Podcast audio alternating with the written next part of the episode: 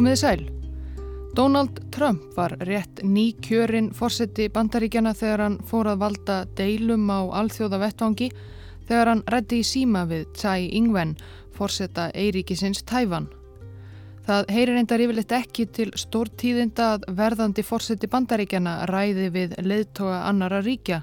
Dagan á vikurnar eftir að Trump var kjörinn tók hann á móti fjölda símtala frá fórsetum, fórsætisráþerum, konungum og öðrum mektarmennum hérðan og þaðan úr heiminum því auðvitað vilja allir kynnast og koma sér í mjúkin hjá verðandi bandaríkjafórseta eins fljótt og auðið er. En það að Trump skildi tala við fórseta Tævans, það er annað. Með því að ræða við Tsai Ing-wen, hún tók við þessu ennbætti vorið 2016 og er fyrsti kvennkins fórseti landsins, Með því að ræða við hana beint og millilega laust brá verðandi bandaríkjaforseti út af óskrifaðri reglu í bandarískum utaríkismálum sem gilt hefur í hartnær fjóra áratögi. Þótt bandaríkin hafi jafnan átt mikil samskipti og viðskipti við Tæfan og haldi í raun verndarhendi yfir landinu sem formlega nefnist líðveldið Kína þá slitu löndin tvö formlegu stjórnmálasambandi árið 1979. Símtöl millir fórsetta landana eru því ekki beint alvanaleg.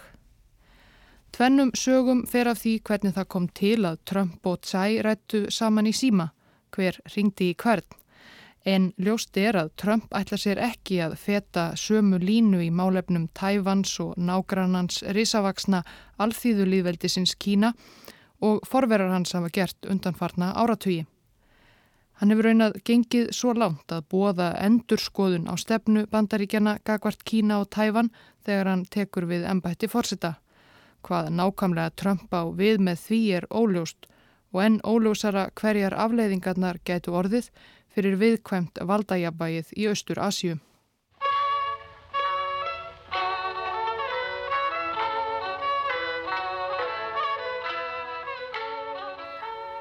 Eian Tæfan liggur eina 180 km frá suðausturströnd Kína. Hún er um 36.000 ferkilometrar og er því nokkuð stærri en Belgia, nokkuð minni en Sviss. Sagt er að að lögun líkist Tæfan helst sætri kartublu, raunar svo mjög að Tæfanar kalla sig stundum börn sætu kartublunar. Elstu mannvistarleifar sem fundist hafa á eigunni eru um 20 til 30.000 ára gamlar, nokkrir bútar úr höfuðkúpu og einn jaksl. Í þeirri fornöld var sjávarmál lægra og eigandi jaklsins hefur því geta komist þurrum fótum yfir það sem nú er Tævanssund frá asíska meginlandinu. Fyrir um 10.000 árum hækkaði sjávarmálið svo og Tævan varðað eigu. Engu tíman á næstu árþúsundum byrjuðu ástrónesískar þjóðir að setja stað á Tævan. Ástrónesíumenn voru fræknir sæfarar og syldu á þessum tíma um víð og breið kirra og indlandshöf og settu stað á eigum sem urðu á vegi þeirra. Ástrónesískir frumbyggjar Tævans eru gríðarlega fjölbreytur hópur og tala fjölda skildra tungumála. Raunar er fjölbreytnin svo mikil með að við aðrar ástrónesískar þjóðir að einn kenning er að á Tævan séu upprunaleg heimkynni ástrónesjumanna Það sé þaðan sem fyrstu landkönnuðir þeirra lögðu í langferðir sínar um heimsöfin. Og í byli þykir ekki önnur kenning meira samfærandi um hérna fyrstu tæfanbúa. En það er önnur saga. Hvaðan sem þeir komu þá lögðu ástrónesarnir smátt og smátt tæfan undir sig og sína fjölbreyttu menningu. Tæknimenning komst hins vegar ekki á mjög hátt stiga á tæfan og því þóttu tæfanbúar helst til frumstæðir á því sviði þegar fram í sóti. Á meðan hinumegin sundsins blómstraði þjóð og menning hann kínverja. Sjávarmál hafði þá fyrir löngu hækkað svo að Tæfan sund var orðið til og lengst af var síðan ekki mikill samgangur á milli meginlandsins og Tæfans. Varla neitt, þrátt fyrir aðeins 180 kilometrar skildu eiguna sætkartöblulaga frá meginlandinu. Þeir hankínuverjar sem hættu sér yfir sundið fundu þar framandi ættbálka sem margir hverjir voru ílskeittir eða höfðu allavega lítinn áhuga á viðskiptum eða öðru samneiti við aðkomufólkið. Og eiginni var heldur ekki að finna neinar sérstakar öðlindir sem kínverjarnir gyrndust. Svo að kínverjar og tæfanar letu hverjir aðra í friði um sinn.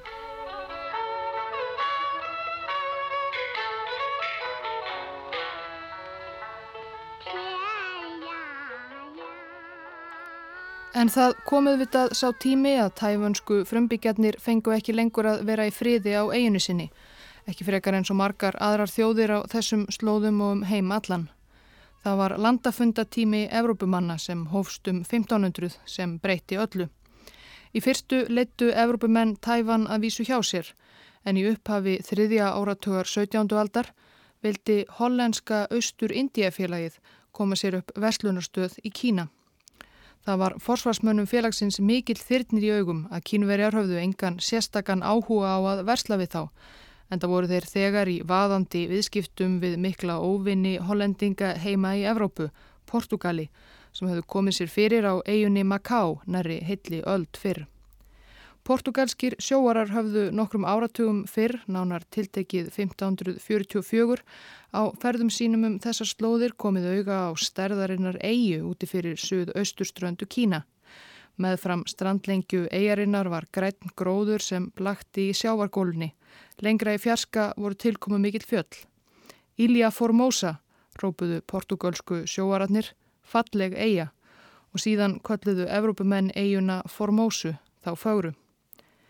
Portugalarnir gengu ekki lengra en að nefna eiguna og það kom í hlut hollendinga að girdnast tæfan fyrstir Evrópuþjóða.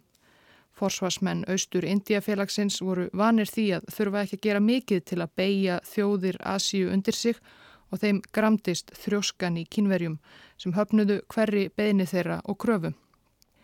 Þegar Indiafélagið reyndi að koma sér fyrir á nálægum eigaklasa, Pescador-eigum með hervaldi árið 1622, gerði herr kínakeisara sér lítið fyrir og gjörsigraði hollendingana og rak þá á flóta. Svo að þeir litu til Tævans eða Formósu. Þar var jú ekkit fyrir nema nokkrir skrítnir frumstæðir ættbálkar innan um fjöll og gróður. Og kínverjar hafðu sem fyrr lítinn áhuga á þessari eigu. En það gáttu hollendingarnir svo gott sem óáreittir komið sér fyrir á formósu. Um 1630 byggðu þeir stærðarinnar virki við ströndina sem þeir nefndu eftir hollenska héræðinu sjálandi. Hollendingarnir reyndu hvað þeir gáttu að beigja frumbyggjana á enni undir sig, kröðust hotlustu, skattgreðslu og kynlífsgreiða af konunum. Hollenskir trúbóðar fóru af stað að reyna að kristna íbúa eigunar Þeir voru reyndar fæstir mjög móttækilegir fyrir slíku. Heimsóknir trúbóðana enduðu yfirleitt á því að frumbyggjarnir limlestu þá og myrtu.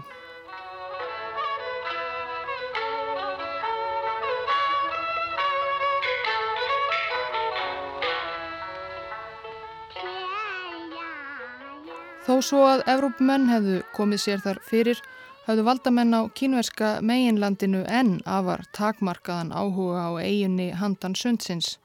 Þetta var í þeirra augum ómerkilegt forarsvað þar sem húðflúraðir villimenn gengu um naktir og lítið annað þar að hafa.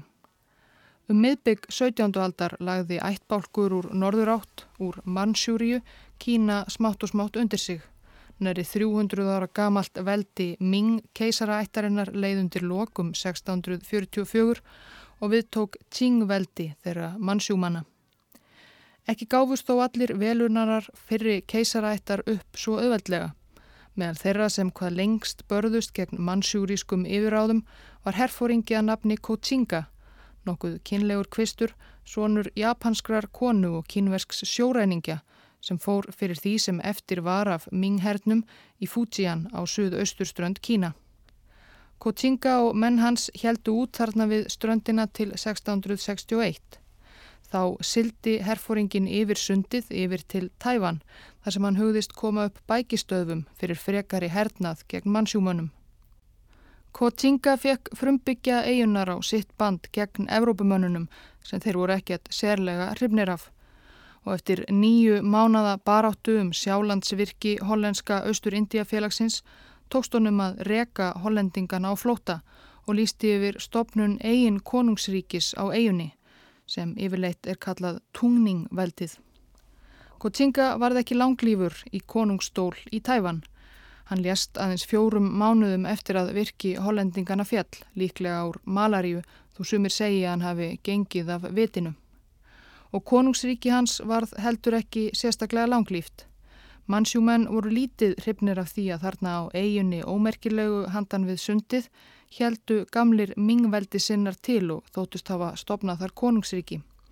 Árið 1683, tveimur áratugum síðar, lést sonur og arftaki Kotsinga.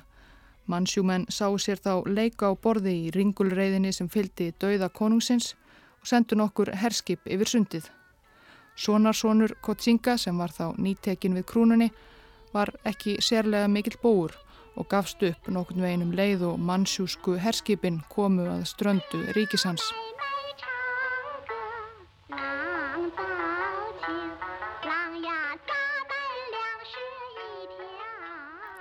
Þannig var það sem Tæfan var fyrst hluti af Kína. Það hafði farið í taugarnar á mannsjúmönnum að hafa þessa anstæðinga sína þarna á eigunni En þegar þeir voru á bak og burt höfðu þeir þrátt fyrir allt enn ekkert sérlega mikinn áhuga á að stjórna eða eiga tæfan. Eian var á papirnum gerða hluta af Fujian héræði, það var héræðið á meginlandinu beint hinu megin við sundið, en að öðru leiti hirtu mannsjúmenn lítið um þennan nýja hluta veldi síns. Það var ekki skipaðu neitt sérstakur landstjóri yfir eiginni eða slíkt og mannsjúmenn gerðu litla tilraun til að byggja þar upp innviði eða ebla byggð á nokkun hátt.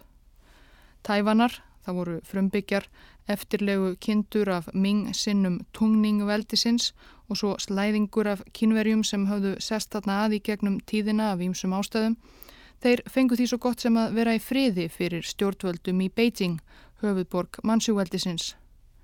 Af og til emdu tævanar að vísu til uppreysna gegn mannsjúskum yfirvöldum því litla sem þeir höfðu af þeim að segja en ef það var eitthvað sem mannsjúmenn kunnu var það að berja niður uppreysnir sem plöguðu valdatíð þeirra á meginlandinu líka.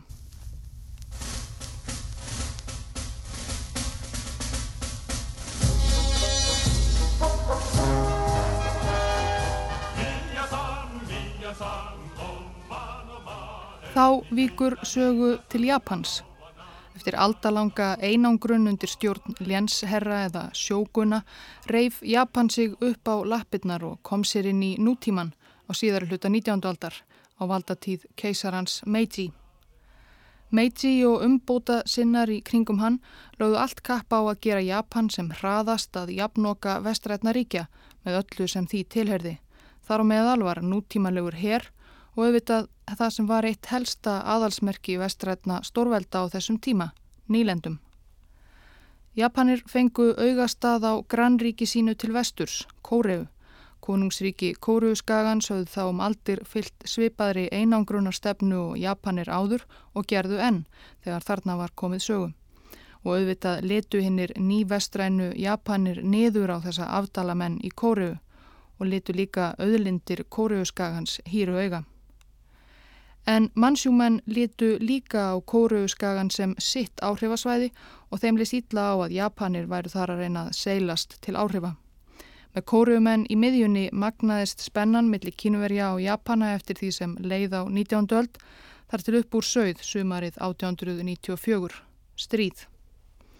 Þið nýja Japan fekk nú tækifæri til þess að sína nýja nútímavætta herinsinn sem hafi verið byggður upp með hjálp evróskra sérfræðinga flotinn að breskri fyrirmynd og landherrin að þískri og prúsneskri.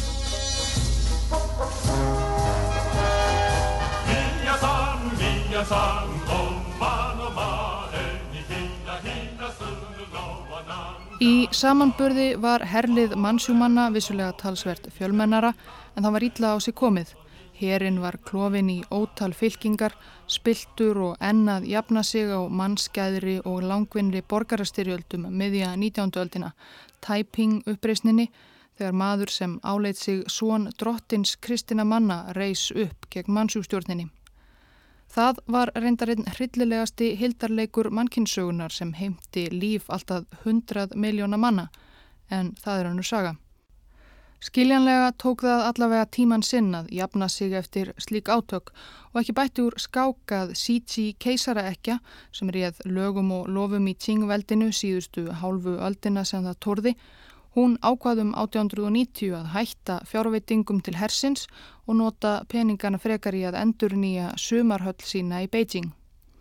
Höllin er vissulega glæsileg er í dag á heimsminjaskrá UNESCO og vinsæl viðkomustadur ferðamanna í Beijing en rétjulegur mannsjúherin gjör tapaði stríðinu við Japana. Stríðið stóði um 8 mánuði og lauk á vormánuðum 1895 með algjörum ósigri tíngveldisins. Mannsjúmenn mistu áhrif sín í kóru og samkvæmt samningi sem undirritaður var í japansku borginni Shimonoseki í stríðslokk fengu Japanar líka full yfirráð yfir Pescador eigaklassanum í Tævansundi og svo sætt kartublulaga eiguna sjálfa, Formósu eða Tævan.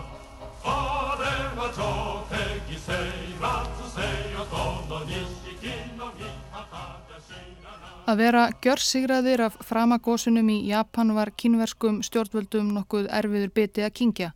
Ekki bætti úr skák að missa tæfan alfarið í hendur þeirra.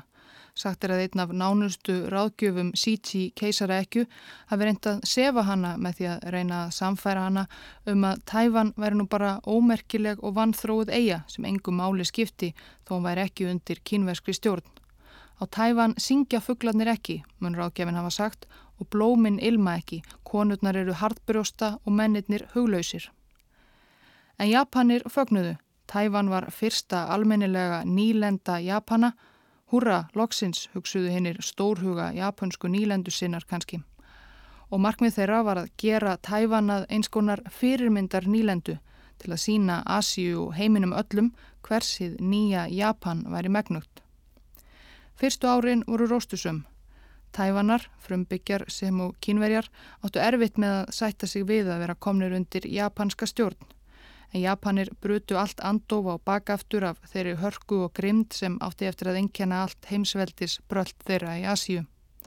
Sér í lægi fóru Japanirnir ítla með frumbyggjana sem þeir álitu barbara og villimenn. Þegar þeir dyrðust að krefjast réttinda og réttlætis áttu þeir ekki vona á góðum.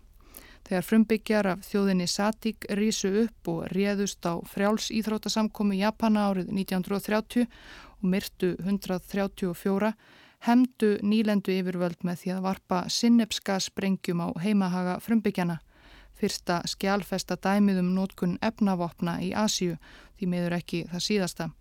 Og slátruðu svo mörg hundruð satíkum stríðsmönnum sem konum og börnum.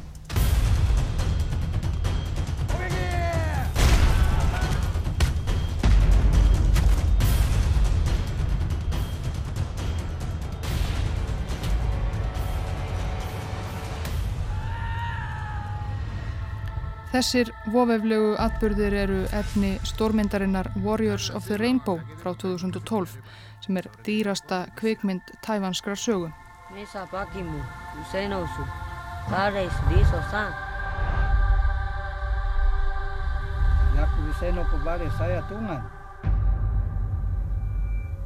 En Japanirnir byggðu líka upp innviði og yðnað á tævan af miklu móð Allt það sem stjórn mannsjúmanna hafði að mestu látið vera að gera.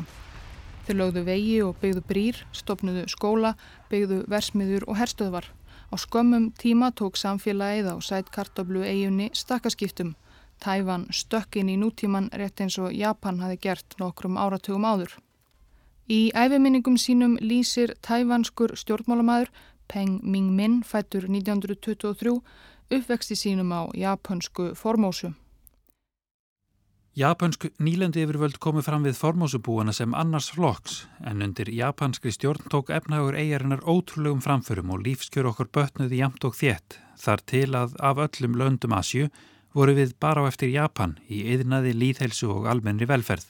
Afar okkur og ömmur höfðu orðið vitni að þessum umskiptum eigunar úr illa stjórnuðum og óskipulöðum útkjálka.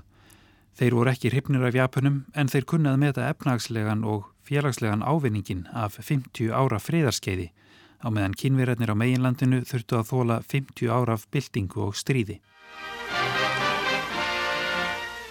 We are gathered here representatives of the major warring powers to conclude a solemn agreement whereby peace may be restored. Annar september 1945 Douglas MacArthur, aðsti yfirmaður herabla bandaríkjana í Asíu, stýrir aðtöfnum borði í orustu skipinu Missouri. Prúðbúinn sendinemd Japana er komin um borð til að skrifa undir formlega uppgjöf Japans í setni heimstyrjöld.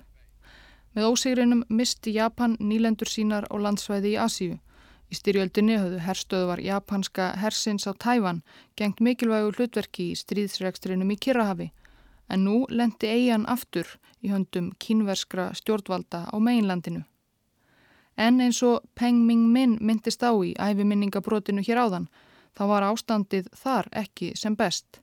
Tsingveldi mannsjúmanna hafi liðið undir lok 1911 og með því var bundin endir á 2000 ára sögu keisaraveldis í Kína. Falli keisaraveldisins fylgdi ósætti um framtíðar stjórnskipan Kína. Þar áttust við annars vegar svo nefndir þjóðernissinnar undir fórustu stjórnskörungsins Sun Yat-sen og síðar herfóringjans Chiang Kai-shek og flokkur þeirra sem hlaut nafnið Kuomintang sem hafðu líst yfir stopnun líðveldisins Kína annars vegar og kommunistar með Mao Zedong í fylkingarbrjósti sem vildu koma á fót alþýðu líðveldinu Kína. Deilurnar urðu að allserjar borgarastyrjöld sem geisaði í tvo áratvíi frá því um 1927 með nokkur ára hljegi frá 1937 til 1945 þegar bæði þjóðverðnisinnar og kommunistar börðust gegn Japunum. Sankvæmt uppgjafar skjölunum sem japanska sendinefndin undirritaði um borði í orustu skipinu Missouri annan september 1945 voru það þó bara þjóðerni sinnar Chiang Kai-shek og Kuomintang flokkur hans sem voru áleitnir réttmætt stjórnvöld Kína og það voru því þeir sem fengu Tæfan í hendur í stríðslokk. En stríðinu var ekki fyrir lokið en borgarastyrjöldin milli Kuomintang flokksmanna og kommunista tók sig upp að nýju. Kommunistum hafi vaksið ásmegin í stríðinu við Japani, hafði mikið landsvæði á sínu valdi og sóttu nú gegn Chiang Kai-shek og félögum af sömu hörku og þeir hafðu beitt gegn Japunum.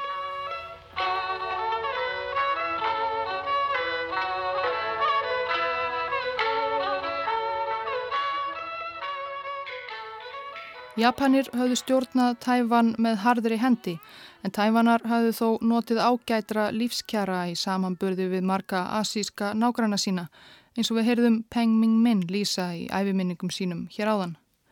Þegar Kuomintang flokkurinn tók fyrst við stjórn Tævans eftir brottkvörf Japana var flokksmönnum vel fagnað af Tæfunum, engum þeim sem voru af kínversku bergi brotnir.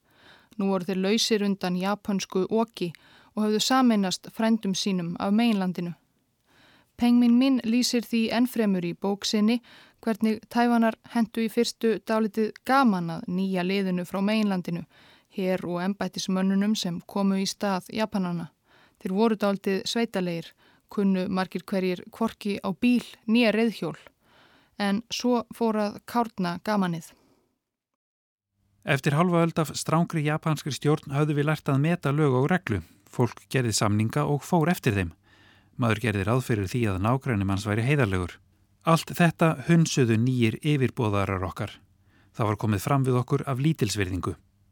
Nýju embætismenninir síndu það að þeir áleitu heiðarleika vera bara hlægilegt merki um heimsku.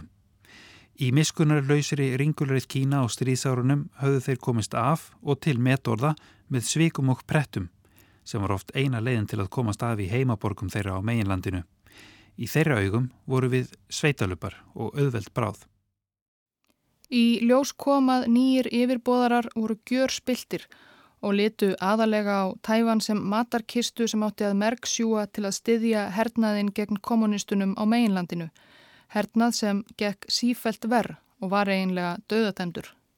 Spilling grasseraði, atvinnuleysi og verðbolga ruku upp úr öllu valdi og ónæja tæfana með ný stjórnvöld magnaðist og það sögð upp úr þann 27. februar 1947.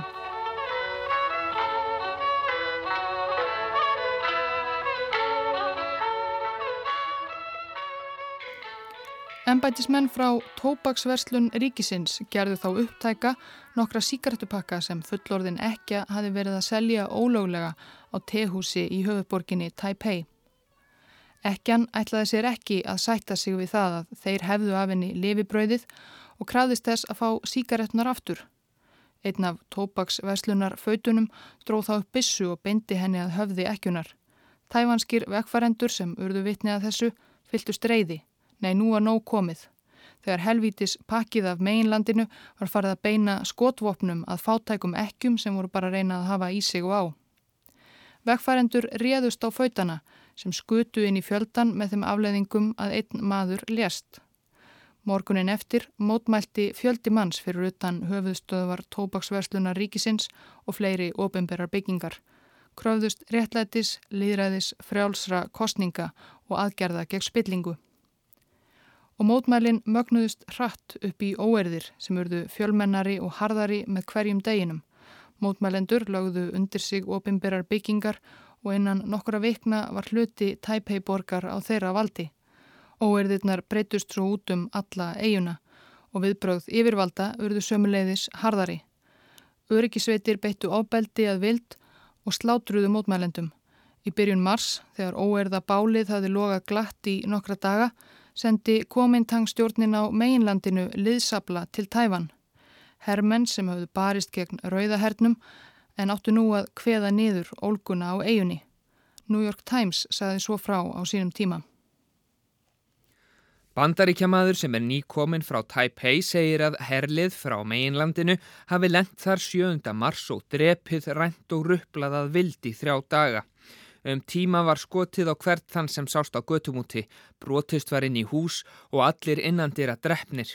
Í fátækari hverfum er sagt að göturnar hafi verið þaktar líkum. Það voru dæmi um að menn varu hálshögnir og lík limlest og konum var nöðgað, sagði bandarækjamaðurinn. Þetta helt áfram miklu lengur en í þrjá daga.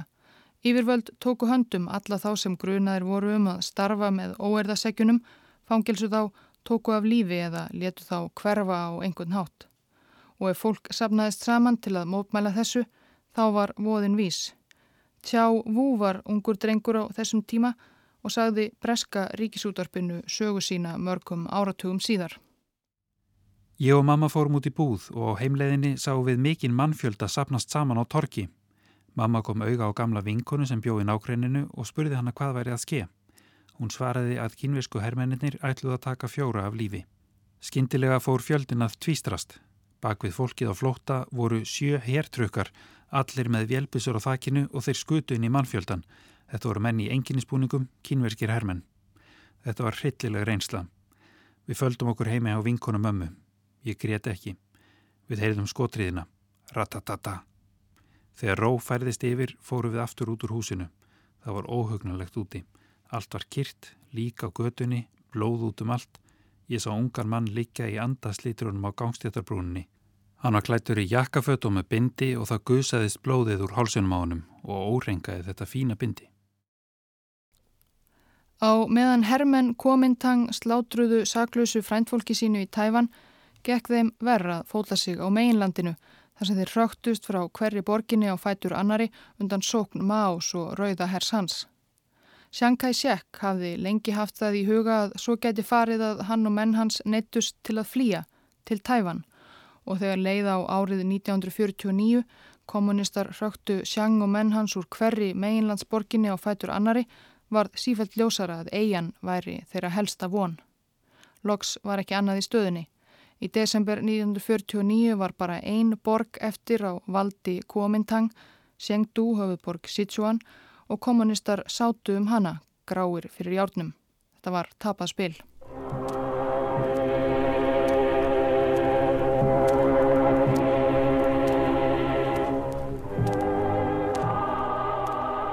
Sagt er að Chiang Kai-shek við kyrjað þjóðsöng líðveldisins Kína á leið út í fljóvelina sem flutti hann yfir til Tæfan árla morguns 10. desember 1949. Um tvær miljónir manna fylgdu honum yfir sundið, liðsmenn Kuomintang og fjölskyldur þeirra.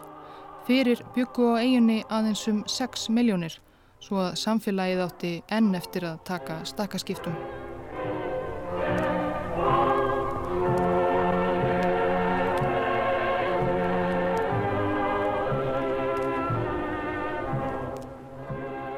Það var ekki ætluninn að vera í Tæfan að eilífu. Chiang Kai-shek ímyndaði sér að veldi kommunista myndi hrinjaða lokum eða að það myndi hitna svo í kólunum í köldu stríði bandaríkjamanna við kommunista í Sovjetríkinum og víðar að bandaríkin myndi koma honum til aðstóðar, hjálpa honum að reka komana burt og ná Kína á sitt vald.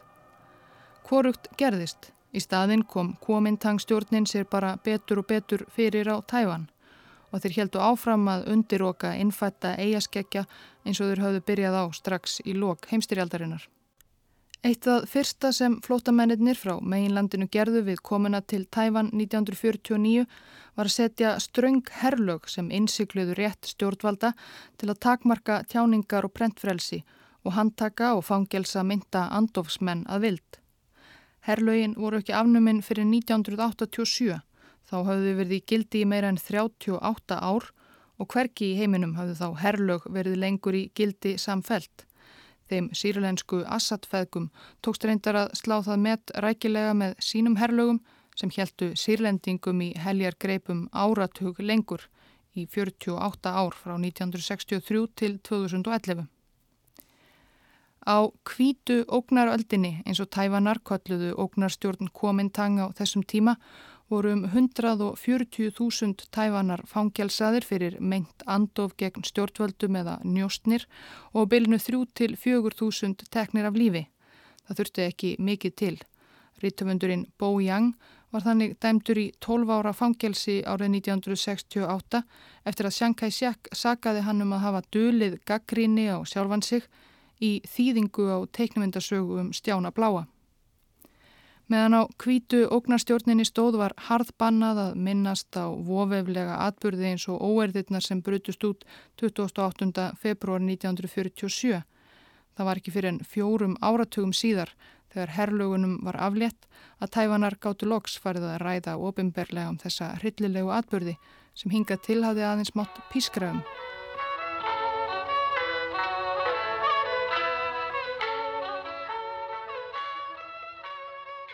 Þó svo að fyrstu ár komintang stjórnarinnar á Tæfan hafi markast af spillingu, óðaverbulgu og atvinnuleysi fórað ára betur á sjötta áratugnum. Tæfan fekk ríkulega fjárhagsaðstóð frá bakkjörlum sínum í bandaríkunum og byggði smátt og smátt upp sterkan efnahag. Tæfan varð einn af tígrunum fjórum Asjúríkjum sem innvættust og auðguðust á nær undraverðum hraða eftir setni heimstyrjöld á samt Suður Kóru, Hong Kong og Singapúr. Umbætur í líðræðisátt letu lengur á sér standa. Kuomintang stjórnaði Tæfan sem einræðisríki í krafti kvítu ógnarinnar áratugum saman. En með fram efnahags uppganginum verðu kröfur almenningsum lámars mannréttindi og líðræði þó sífælt háværari. Chiang Kai-shek lest 1975. Hann náði því að verða 87 ára en tók aldrei við stjórninni á meginlandinu eins og hann hafði svo lengi vonast til. Sónur hans, Xiang Xingguo, tók við stjórn Eiríkisins og hann byrjaði smám saman að slaka og heljar greipum komintangum stjórnartaumana og tæfanst samfélag. Eitt af síðastu embætisverkum hans var að afnema loksins herlögin árið 1987. Eftirmaður hans, Li Tenghui, gekk enn lengra og emdi til fyrstu fórsetakostninga Tæfans árið 1996. Hann vann en í næstu fórsetakostningum árið 2000 var það stjórnaranstæðingur sem bar sigur úr bítum, Xiang Shui-bian, og batt þar með enda á meira en hálfrar aldar stjórn Kuomintang-flokksins á Tæfan. Tæfan er nú líðræðisríki með kostningar til fórseta þings og sveitarstjórna þó tæfunsk pólitík markist enn af spillingu og átökum og það er velstætt þróað með tröstan efnahag en það er erfiðara með utaríkismálinn. Fyrstu árin eftir flóta komintang manna til Tæfan var stjórn þeirra, líðveldið Kína eins og þeir kölluðu sig og Tæfan heitir enn formlega, viðurkent af saminuðu þjóðunum og flestum vesturlöndum sem einn réttmæta stjórn alls Kína, meginlandsins líka. En það var það þeirra stjórn sem bandamenn höfðu viðurkent í lok heimstyrjaldarinnar og kommunista stjórnin í Beijing, það er alþýðu líðveldið Kína, ekki hátt skrifuð í vestri í miðju köldu stríði. En smásamann fór að renna upp fyrir fólki líka á vesturlöndum að kommunistarnir voru komnir til að vera og ætluðu sér ekki að láta hunsa sig að eilífum.